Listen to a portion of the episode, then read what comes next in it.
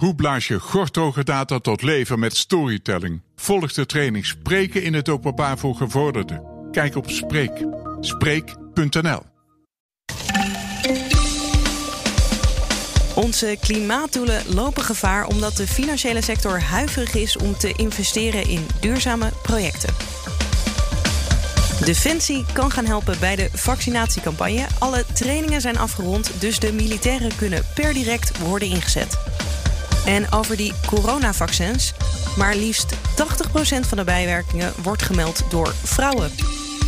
Dit is Nieuwsroom, de dagelijkse podcast van het Financiële Dagblad en BNR Nieuwsradio met het nieuws verteld door de journalisten zelf. Ik ben Paulien Huuster en het is vandaag maandag 17 mei. Deze podcast wordt mogelijk gemaakt door Unipartners. Als dynamisch en innovatief academisch adviesbureau slaat Unipartners al 34 jaar een brug tussen studenten en bedrijven. Met fris toptalent van alle Nederlandse universiteiten maakt Unipartners uitdagingen binnen het bedrijfsleven inzichtelijk en lost ze op. En dat doen ze vanuit 12 vestigingen door het land met ieder haar eigen expertise. Benieuwd wat voor een uitdaging Unipartners bij jou kan oppakken? Ze gaan graag met je in gesprek. Rustig, Finn. Finn, hey, hou eens op. Finn, rustig. Hij is aan het brommen. Leuk hè, zo'n hond? Nou, het is vooral altijd als ik aan het bellen ben, uh, dus in dit geval ook. Uh, uh, dan vindt hij altijd dat hij geen aandacht krijgt. Maar goed, als we het maar snel doen, dan is het. eh, ja. Nou, Diederik en Finn, welkom terug in de podcast. Ja, inderdaad. allebei. allebei, allebei. Al, ik, ik heb iets meer optredens dan Finn, maar uh, nou ja, hij is één keer genoemd volgens mij hè, door Mark. Ja, volgens mij. En dat is alweer zo lang geleden dat het nu alweer mocht of zo. Nou, ja, hij is ook best vervelend aan het doen. Mochten mensen die aflevering toevallig niet hebben geluisterd, uh, Finn is jouw hond die je nu hoeveel weken hebt? Ma een paar maanden, toch? Uh, sinds januari, dus ja, bijna vijf maanden. Ja. Nou, en daar, daar ja. gaan we het uh, verder niet over hebben. Behalve als hij er weer uh, tussendoor komt. Ja, sorry. Ja, kans is groot. Maar goed, laten we het maar. Uh... We gaan het hebben over het leger. Um, Defensie is nu helemaal klaar voor hulp bij vaccineren. las ik op de website. hoe lang zijn ze daar al mee bezig om klaar, zich klaar te stomen? Goh, dat is eigenlijk een goede vraag. Ik zou dat niet weten. Maar uh, er is op een gegeven moment is er wel uh, het bericht gewoon gekomen dat uh, Defensie ingezet kan worden en dus ook klaar wordt gestoomd om te helpen bij die vaccinatiecampagne als het nodig is. Als ja. het nodig is, hè, met nadruk. Want ja, je hoeft het leger niet in te zetten als we het met de bestaande structuren die daarvoor zijn, in dit geval de GGD-medewerkers, als we het daarmee aan kunnen. En het is overigens ook nog niet eens helemaal zeker uh, maar wel bijna uh, dat ze in dit geval ook ingezet gaan worden. 99% zeker, zegt de GGD tegen ons. Nou ja, dat interpreteer ik dan altijd maar als uh, er moeten gekke dingen gebeuren, wil het niet gebeuren. Ja, 99 um, is best wel veel. Ja, dat is best wel hoog. En, um, En ja, wat er eigenlijk is gebeurd in het voortraject is dat uh, de militairen, nou ja, voor een deel werden, zijn, we, zijn opgeleid om uh, inderdaad te prikken. Maar niet alleen daarvoor. Het zijn ook logistieke taken die erbij komen kijken. Dus de vervoering van de vaccins, de beveiliging van de locaties.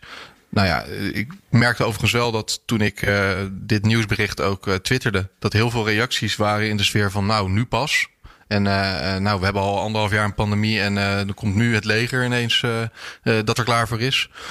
maar aan de andere kant kan je ook zeggen, ja, bij, als specifiek kijken naar vaccinatie, dan is dat personeelstekort waar je wel eens wat over hoort bij de GGD, dat gaat natuurlijk pas echt heel erg wringen als er hele grote bulk aan vaccins binnenkomt. Dus als er echt de hele samenleving straks een prikafspraak kan maken. En als we ook, nou ja, dan hele grote ladingen van de vaccins binnenkrijgen. Terwijl tot nu toe het toch relatief, zeg ik, uh, kleinschalig was. Dus um, ja, in het begin werden mensen in de verpleeghuizen ingeënt. En daarna de echt hoge risicogroepen, de oudere mensen. Uh, dat is natuurlijk iets anders dan uh, dat iedereen in de rij mag gaan staan.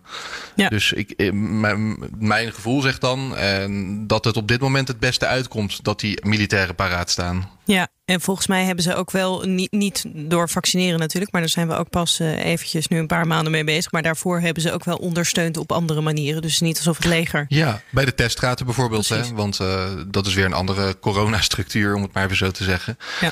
Dus ja, het is allemaal, je zou het allemaal kunnen scharen onder rampenbestrijding. Hè? In het verleden zag je dat militairen werden ingezet bij bijvoorbeeld watersnood. dat is wel echt lang geleden hoor, jaren negentig. Uh, zijn, uh, dat zijn wel bekende beelden dat uh, mensen in het rivierenland in Nederland moesten worden geëvacueerd en dat ze zandzak aan het leggen waren. Nou ja, dat is denk ik ook niet iets waar je aan denkt als je je inschrijft bij het leger. Dan denk je eerder aan, nou ja, denk ik dan uitzending naar een conflictgebied. Ja. Um, Alleen ja, wat Jean, uh, uh, wat Jean Deby van de militaire vakbond VBM ook tegen ons zei. Ja, militairen die zijn gewoon dienstbaar aan de samenleving. Dus waar de inzet nodig is in crisis, daar, daar willen zij zich voor inzetten. En nou, dat is in dit geval dan ook zo. Ja, ze gaan ook prikken zetten dus, militairen. Ja, maar waar en hoe en hoeveel, dat is nog helemaal niet duidelijk. Want het is uh, de, de, GGD die hier in de lead is. Dus mm -hmm. als er ergens hulp nodig is, dan sturen zij dat aan. Uh, voorbeeldje, uh, nou, ik woon in Leiden. Stel dat het vaccinatiecentrum hier ineens onderbemand raakt. En er moeten mensen zijn die die prikken kunnen zetten. Dan zou de GGD bij wijze van een belletje kunnen doen. En vragen, kunnen er wat militairen in worden gezet om uh, nou ja, die plekken op te vullen? Want de afspraken voor de prikken die zijn al gemaakt en die mensen die komen hier en ze moeten toch worden gezet. Ja. Dat, zo stel ik het me dan een beetje voor. Maar het is allemaal nog niet bekend. Het is gewoon uh, heel erg, uh, nou in die zin pragmatisch. Uh, we kijken gewoon waar het nodig is. Uh, als het niet nodig is, dan doen we het ook niet. Uh, dus het is niet zo dat er nu militairen in een barak bij wijze van zitten te wachten. want die staan op de vaccinatiedienst. Um, uh, er wordt gewoon per situatie bekeken waar en hoe uh, militairen van dienst kunnen zijn. Ja, en dan had ik verwacht uh, dat dan een voorzitter van een militaire vakbond ook nog even extra gaat lobbyen voordat zij heel snel moeten worden ingeënt omdat zij ook gevaar lopen, bijvoorbeeld bij zo'n vaccinatiestraat. Maar dat viel me eigenlijk wel mee in het gesprek in de uitzending. Want je, we hebben al veel uh, lobby- en belangenclubs gehad die dan ook nog even extra willen benadrukken dat zij vooral ingent moeten worden. Maar ik had het idee dat hij zich er redelijk bij neer had gelegd dat ook militairen nog even moeten wachten. Tenminste, de jongere militairen dan. Ja, ja, nou, ik, dat is misschien ook gewoon niet het grootste punt voor een militaire vakbond op dit moment. Uh, dat uh, nou, hun achterban snel gevaccineerd moet worden. Hij noemde nog wel het voorbeeld van uh, militairen die naar Afghanistan worden uitgezonden, dat die mm -hmm. dan voorrang krijgen bijvoorbeeld. Uh, ja, militairen zijn natuurlijk veel uh, wat jongere mensen. In ieder geval niet zo oud dat ze in de risicogroep vallen qua leeftijd. Nee. En de militairen onder hen die in een risicogroep vallen qua gezondheid. Want dan kan je nu ook inschrijven voor een afspraak. Uh, nou ja, die zullen natuurlijk gewoon hun vaccinatie kunnen halen. Ja. Maar ik had inderdaad niet het idee dat dit onder de militairen leeft als een heel groot en belangrijk punt. Van dat zij dan ook nog voorrang zouden moeten krijgen. wat ik overigens niet zeker weet is of de militairen die zelf gaan inenten en zelf erbij gaan helpen, dan misschien wel voorrang krijgen. Je weet het nooit. Wat ik wel heb gehoord is uh, voor andere situaties al dat als er bij priklocaties nu al vaccins overbleven, dat die dan soms ook verdeeld worden onder het personeel dat nog ja. moet worden gevaccineerd.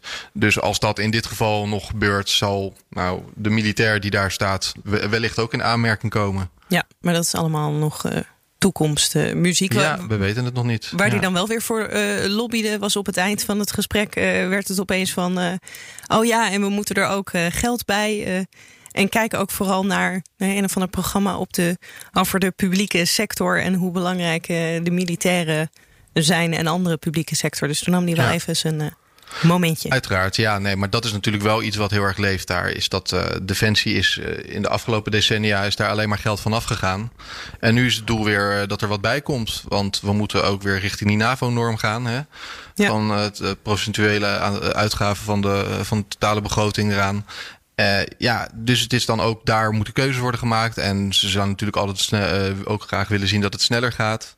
Uh, dat is een lobby die altijd wel op de achtergrond blijft spelen. Uh, maar met, met het vaccineren en het heel bij de vaccinatiecampagne heeft het volgens mij niet zo heel veel te maken. Ja, allicht kunnen ze dat uh, nog gebruiken om wat meer sympathie te winnen onder de bevolking, toch wat zichtbaarder te zijn. Ja. Uh, want ja, wat merk je ervan als een militair, behalve als het je familie is of een vriend, uitgezonden wordt naar een conflictgebied hier ver vandaan? Dan is het al, toch wat abstracter dan als je ziet dat ze zich ook hier in Nederland dienstbaar maken voor de samenleving en misschien wel een prik in jouw arm zetten. nou ja, dat is uh, betere PR kan je bijna niet wensen, zou je dan zeggen. Ja, dan heb ik een gekke vraag waar jij misschien ook geen antwoord op hebt. Maar gaan ze dan eigenlijk in uniform prikken? Of zie je het er eigenlijk niet in, ah, aan af? Dat, hoop, dat denk ik toch wel. Ik denk het wel. Want ze zijn daar in dienst van, uh, uit naam van Defensie ook. En uh, nou ja, in, in dienst van uh, de, de, nou ja, de GGD stuurt ze dan weliswaar aan. Maar ze werken voor Defensie. Dus het lijkt mij dat dat zichtbaar is. Een goede vraag. ik denk ook dat er best wel weer wat mensen zullen zijn die uh, uh, het helemaal dan niet meer prettig vinden om ineens een militair voor zich te hebben. Dat heb je natuurlijk ook. Uh, jou, die het een beetje bedreigend vinden of zo? Ja, nou, ik weet, niet, ik weet niet hoe serieus die was. Maar de man die normaal op jouw plek zit, Mark Beekhuis, ja. die zei op Twitter tegen mij: Ik ga me niet laten inenten door een militair. Dat is openbare informatie, dus ik verklap nu niks. Je moet maar kijken op zijn, zijn reactie op mijn tweet. Ik weet niet of hij serieus was, maar nou ja, stel dat hij het is, dan zullen er ongetwijfeld wel meer mensen zijn die er zo over denken. Ja. Maar misschien ook weer niet zo heel veel, want ik denk dat de meeste mensen gewoon een prik willen. Ja. Nou, misschien is dit wel een goede vraag uh, voor reacties. Dus uh, mochten mensen nou ook het gevoel hebben: ik wil juist wel of juist niet worden ingeënt. Uh, door een militair. Laat vooral weten waarom. Ja. Uh... Ik zou niet echt weten wat het bezwaar is als, het, uh, als een militair het gewoon kan. Maar ja, je ja dat is wel, wel handig uh, dat iemand het kan. Dat zou ik ook ja, wel willen. maar dat is, ja. daar zijn ze natuurlijk ook voor opgeleid. Maar wat in Nederland natuurlijk wel een, een overigens begrijpelijke emotie is, is dat wij niet graag militairen in het straatbeeld zien. Um, dat is iets wat dat hoort in een oorlog. Dat is, dat is het gevoel dat wij erbij hebben. Ja. Uh, en dan is een militair die jou in gaat enten misschien toch geeft sommigen een naar gevoel.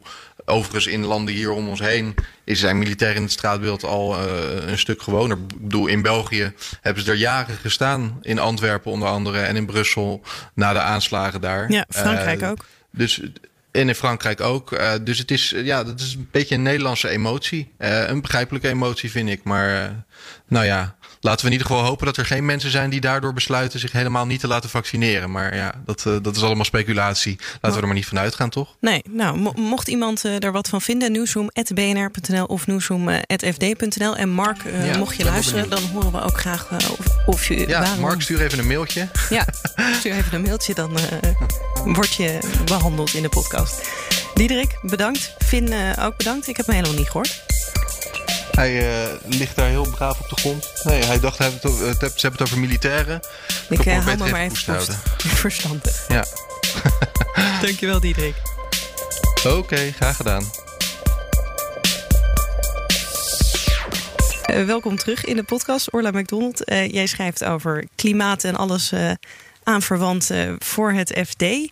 Ja, vandaag niet zo'n positief verhaal, want onze klimaatdoelen komen in gevaar. En dat ligt allemaal aan de financiële sector. Of zeg ik het dan iets te simpel? nou ja, het is eigenlijk zo. Um, die klimaatdoelen die zijn natuurlijk gesteld en die moeten gehaald worden, maar dat moet wel betaald worden. Uh, en nu blijkt het een nieuw essay dat um, toch zelfs met overheidssubsidie dat heel erg uh, lastig wordt. Omdat de financiële sector, dan heb je het over banken, pensioenfondsen, verzekeraars, um, toch best wel huiverig is om te investeren in uh, duurzame projecten. Waardoor uiteindelijk die klimaatdoelen dan dus niet gehaald worden. En het gaat om de helft van uh, de investeringen die nodig zijn, toch? Dus dat is een flink deel. Ja, er is een. Uh, dat hebben de onderzoekers uh, van dit essay, onderzoeksbureau Calavasta in Berenschot, hebben berekend dat er 355 miljard nodig is voor de komende 30 jaar om um, dat doel van klimaatneutraal, zeg maar, wat Nederland nastreeft, um, mm -hmm. te halen. En daarvan dreigt de helft ongeveer niet uh, gefinancierd te kunnen worden. Dus dan heb je het over ongeveer 160 tot 180 uh, miljard. En gaat het dan om uh, spe specifieke soorten investeringen die dan niet rendabel of interessant zijn? Is dat, waar zit hem die helft in? Kijk, als um, duurzaam project zeg maar, heb je mm -hmm. bijvoorbeeld een investering in een warmtenet om van het gas af te gaan, zeg maar, voor huizen. Um, is gebaat bij een, een, lening die zich over een, langere tijd uh, terug uh, mag verdienen, zeg maar, die je over langere tijd terug mag betalen. Ja. Um, en dan hebben we het al over 20 of misschien zelfs 30 jaar. En banken geven toch meestal een lening uit die uh, ja, 10 jaar loopt.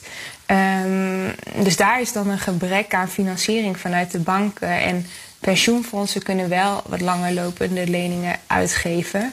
Ehm, maar er zijn meer duurzame projecten die dat lange geld zeg maar, nodig hebben dan dat er uh, financiers zijn.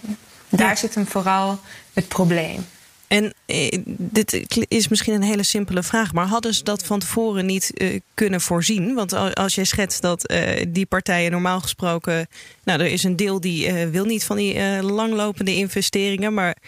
We weten ook dat nou ja, duurzaamheid gaat ook niet zomaar over één nacht ijs. Dus dat duurt even. Dat bij het bedenken van het klimaatakkoord hebben ze dit enigszins voorzien? Of komt dit als een nou, er was, er was dat klimaatakkoord zeg maar opgesteld aan de hand van allerlei tafels. En er was ook wel een onderhandelingstafel financiering, maar die was duidelijk het ondergeschoven kindje, zeg maar. En dat is ook wel wat de onderzoekers eh, van Calavaste mij zeiden. Dit is eigenlijk een probleem dat nu pas zichtbaar wordt en nu pas wordt besproken. Het is niet dat er niks aan te doen is, maar het is wel iets wat, waar minder over na is gedacht dan over het zetten van doelen en over uh, ja, de technische uh, mogelijkheden om te verduurzamen, zeg maar. Ja. En de financiële sector was toch wel de eerste uh, sector die dan ook het klimaatakkoord ondertekende? Ja, de ambities die kwamen heel, heel vlug. Maar toen in de praktijk bleek het toch uh, wat moeilijker te zijn. Ja. ja. dus toen gingen ze nu kijken naar... hey, wat voor business case zit er eigenlijk achter? En ja, dat levert nog niet genoeg geld op. Nee, de meeste business cases van duurzame projecten... Um, die zijn gewoon niet, uh, nog niet rendabel. Um, en dan met subsidie kan je wel um, uh, daar een rendabele business case van maken. Maar dan nog zijn er heel vaak heel veel onzekerheden rondom zo'n project. Omdat je hebt het over technieken, uh, bijvoorbeeld um, een industrie die van het aardgas afgaat en voortaan uh, elektrische ovens gaat gebruiken, bijvoorbeeld. Mm -hmm. um, dat is gewoon best wel een baanbrekende techniek waar nog niet veel ervaring mee is, waar onzekerheid over is. En ja, dan, dan zijn financiers ook wel terecht, denk ik, toch wel wat huiverig om daar dan zomaar uh, geld in te steken. Ja. En je zei, er is wel een oplossing voor. Uh, wat voor een oplossing uh, zien de onderzoekers of andere mensen die jij hebt uh, gesproken dan?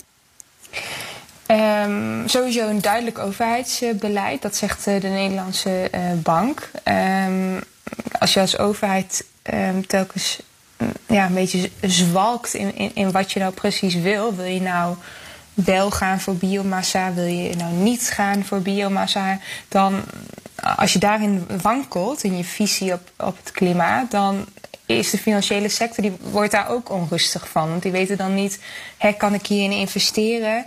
Um, en, of is het over een paar jaar weer uh, ja, uit met de mode? Het, inderdaad, met het risico dat het over een paar jaar dan toch weer niet uh, uh, een klimaatoplossing is. Dus dat ten eerste. Ten tweede kan, um, is het ook zo, alle grote uitstoters in uh, Europa, zeg maar. Uh, de, de Tata Steels van, van de wereld, die betalen een prijs voor hun CO2-uitstoot. Um, en naarmate die prijs hoger wordt, um, ja, wordt het ook steeds rendabeler om um, te investeren in projecten die die uitstoot niet hebben. Dus waar de Nederlandse bank voor pleit, is eigenlijk om die, die prijs op CO2, die Europees wordt bepaald, mm om daar heel erg uh, druk op te leggen. Zeg maar dat de Nederlandse overheid druk legt op de Europese overheid om die prijs uh, omhoog te krijgen. Ja. Dat is een instrument dat je ook, uh, waarvan veel wordt gezegd dat dat een goed, goed middel is. En, en jij volgt ook het klimaatbeleid van de overheid. zit er wat in, in die kritiek die de Nederlandse bank meekomt en de oplossingen die ze hebben? Ja, ik denk dat daar wel um, kern van waarheid uh, in zit. Dat het, nou ja, zoals ik net zei met biomassa, dat was dan eerst wel een klimaatoplossing, nu, nu weer niet. Dan, uh, dat is dan gewoon een heel erg wankel beleid. Dus daar zit zeker een kern van waarheid in. Aan de andere kant moet het ook van twee kanten komen, denk ik. Zou de financiële sector misschien ja, ook wat meer risico moeten durven nemen. Of misschien zich wat meer verdiepen in duurzame technieken. Uh, zodat het allemaal wat, wat zekerder wordt.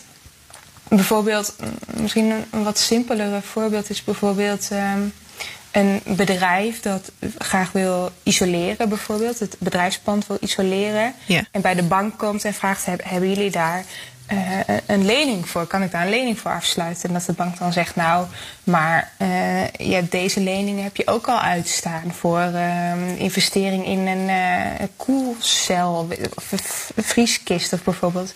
Je krijgt nu niet nog, een- nog meer geld om je pand te verduurzamen. Alleen Ehm, degene die zijn bedrijfspand isoleert, krijgt waarschijnlijk ook een veel lagere energierekening, heeft veel lagere eh, variabele lasten daardoor. En daar zou je misschien als financiële sector wel over na kunnen denken van wat, eh, wat levert een klimaatmaatregel nou op en hoeveel risico's zitten dan nou daadwerkelijk aan. Ja, dus er iedereen kan eigenlijk een eh, stapje extra zetten. Ja, En, en verwacht je dan, want ze zijn nu aan het eh, formeren. Nou, dat, dat, dat duurt even. ze hebben achter eh, gekomen. Maar men gaat er nog vanuit dat er weer een nieuw kabinet eh, Rutte komt. Nou, wordt die niet vaak beschuldigd van dat hij heel veel visie heeft? Denk je dat er veel overheidsvisie komt op klimaatbeleid? Hij is dat is, eh, nog- te vroeg om te zeggen? Ehm, de VVD is niet heel hoopgevend geweest wat dat betreft in hun verkiezingsprogramma. Ehm, ze, best wel, ja, ze, ze, ze scoren best wel laag op eh, het klimaat. Dus mm, ja, ik, daar, vanaf de VVD-kant heb ik daar niet bijzonder veel eh, hoop op. Maar you never know. Dankjewel, Orla. ja, graag gedaan. Nou, Michael van der Toorn, welkom terug in de podcast. Eh, jij maakt nieuwsverhalen voor BNR, deze keer over vrouwen. Nou, is leuk, wij zijn ook vrouwen. Dus, Ja, heel leuk. hoewel het nieuws dan eh, wat minder leuk is, want 80% van de gemelde bijwerkingen van het coronavaccin komen door vrouwen. Ja, En klopt. Hallo trouwens. hallo, eh, betekent Eh, dat dan ook dat eh, vrouwen meer bijwerkingen hebben of eh, dan zijn we te snel thuis, denk ik? Ja, dat is te snel. Ehm, het is. Nou ja, het is wel zo dat eh, vrouwen iets meer bijwerkingen hebben van coronavaccins. En waarom dat is, kan ik je zo vertellen. Eh, maar inderdaad, eerst, het, het gaat om de, ehm, de meldingen van bijwerkingen. Dus eigenlijk vrouwen melden vaker dat ze bijwerking hebben van een coronavaccin. eh, en dat blijkt uit cijfers van het bijwerkingeninstituut LAREP. Ehm, en inderdaad, dus 80% van de meldingen is van vrouwen afkomstig. dat iemand een bijwerking meldt, weten we dan ook gelijk of het echt een bijwerking is? Of is dat ge- gewoon iemand kan zeggen: Ik heb hoofdpijn. Wat, wat, wat gebeurt er dan? Ja, nee, je kan dus eh, melden als je inderdaad hoofdpijn hebt na een vaccin bij het, bij het LAREP. En zij gaan dan kijken of dat, nou ja, of dat een eh, eh, bekende bijwerking is. Natuurlijk bij, bij vaccinaties heb je inderdaad hoofdpijn, eh, spierpijn. Maar inderdaad zijn nu dus ook die tromboseklachten een bijwerking. En zij gaan dan kijken of dat... nou ja, legitiem is. Maar over het algemeen, de gemelde bijwerkingen zijn dus echt wel bijwerkingen van het vaccin. Ja. En eh, je, je zei dat heeft een paar redenen dat eh, vrouwen oververtegenwoordigd zijn. Het, het Ja. eerste wat ik kon bedenken was. Er zijn vooral in het begin meer vrouwen ingeënt, want zorgmedewerkers zijn ingeënt. Ja, nou dat is inderdaad een van de redenen. Er zijn gewoon meer vrouwen gevaccineerd, tot nu toe in ieder geval. Ehm, mede inderdaad doordat eh, eh, er meer vrouwen in de zorg werken. Verder is het zo dat ehm, er ook veel meldingen zijn van 80-plussers. En vrouwen wo- worden over het algemeen ouder. Dus ook Ja. daar zitten zitten wat meer vrouwen. En ehm, verder is het dan nog zo dat vrouwen over het algemeen eerder bijwerkingen melden bij het LAREP. Dat zien ze vaker eigenlijk, want je kan er ook af allemaal andere bijwerkingen melden. Ehm, Weet dus ze waarom vrouwen doen er is? gewoon sneller. Ja, die doen er gewoon sneller aan mee aan dit soort dingen. Oké. Ik, dat, dat is gewoon Ze iets weten wat. het gewoon eh, beter te vinden. ja, dat denk ik, ja. Ja. En dan tot slot is het zo dat vrouwen ook daadwerkelijk een ander immuunsysteem hebben. Eh, dus vrouwen hebben ook een beetje meer last van bijwerkingen dan mannen eh, bij vaccins. Dat is, eh, ja, dat is bekend. Ja, en, komt dat dan nog door eh, hoe het getest wordt bijvoorbeeld? Dat, dat de vaccins minder ingericht zijn op vrouwen? Of? Eh, nou, dat is. eh, dat vroeg ik me ook af. En, want ehm, onder andere Investico had hier ehm, eh, in april een, een onderzoek over dat inderdaad die vaccins minder nou ja, AstraZeneca bijvoorbeeld, die heeft aan het begin van hun onderzoek niet het onderzoek uh, uitgesplitst per sekse. Dus die hebben vooraf niet per se gekeken of het, ja, het verschil, wat het verschil tussen mannen en vrouwen is. Mm -hmm. Maar dat doen ze achteraf wel. Um, dus dat, dat is niet per se de reden, eventjes terug naar het immuunsysteem. Ik heb met Ger Rijkers gesproken, dat is een immunoloog. Ja. Die zegt, vrouwen zij kunnen beter tegen... Die hebben eigenlijk een beter immuunsysteem dan mannen. En daarom worden ze minder snel ziek over het algemeen. Uh, vrouwen hebben ook minder last van corona. In de ziekenhuizen liggen meer mannen dan vrouwen uh, met ernstige coronaklachten. Maar als je gevaccineerd wordt, is dat juist uh, een klein nadeel eigenlijk. Omdat je dan je nou ja, immuunsysteem is, is heel actief, dus reageert sneller. Ja. En dat zie je dus met name bij AstraZeneca en Janssen, want die werken anders dan uh, Moderna en Pfizer. Um, dan krijg je een beetje ziekte en ingeënt. En uh, dan heb je dus ook meer last van nou ja, de, de, de, de werking van je immuunsysteem eigenlijk. Ja. Um, ik heb ook nog, want ik was dus ook benieuwd naar het onderzoek vooraf. En daarvoor heb ik even Ton de Boer gebeld van uh, het College ter Beoordeling van Geneesmiddelen, het ja. CBG. En die zei wel, er is inderdaad een verschil in onderzoek. Uh, wat ik net al zei, AstraZeneca bijvoorbeeld splitst dus niet van tevoren uit. Mm -hmm. En uh, Moderna doet dat ook niet. en Janssen en Pfizer hebben dat wel gedaan. Maar wat je daar dus wel ziet, is dat er... Er is dus een klein verschil tussen mannen en vrouwen, maar heel weinig. Het, het, is niet, het wordt niet als een heel groot vers, of een belangrijk verschil gezien. En dat is dan ook de reden waarom AstraZeneca en Moderna daar van tevoren niet naar hebben gekeken.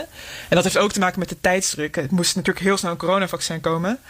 Um, en dus omdat ze al wisten, ook uit van andere vaccins, dat, dat er is een verschil, maar het is niet, niet ernstig. Ja. Uh, hebben ze dat even weggelaten.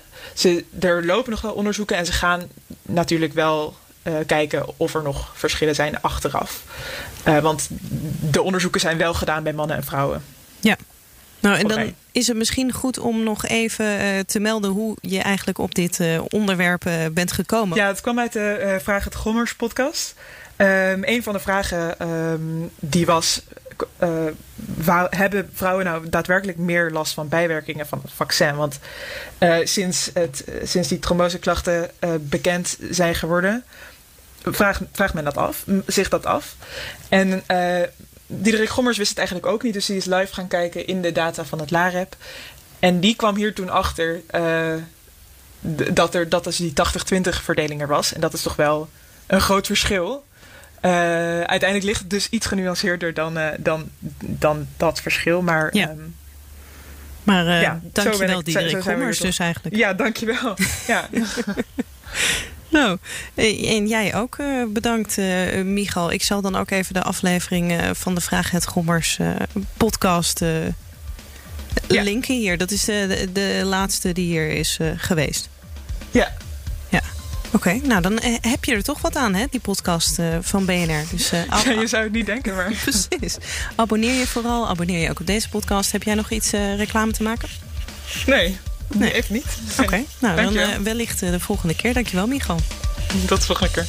En hiermee komen we aan het einde van Nieuwsroom voor vandaag. De show notes met alle artikelen en uh, de podcast waar we het over hadden... die vind je op de website van BNR of in je favoriete podcast-app... als je geabonneerd bent op Nieuwsroom. Ben je dat nog niet, doe dat vooral. Morgen zijn we er weer. Heel graag. Tot dan.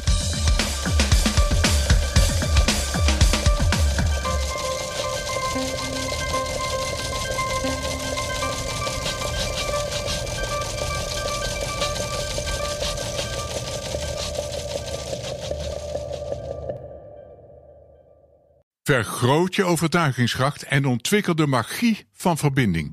Leer presenteren als een leider. Kijk op Spreek.nl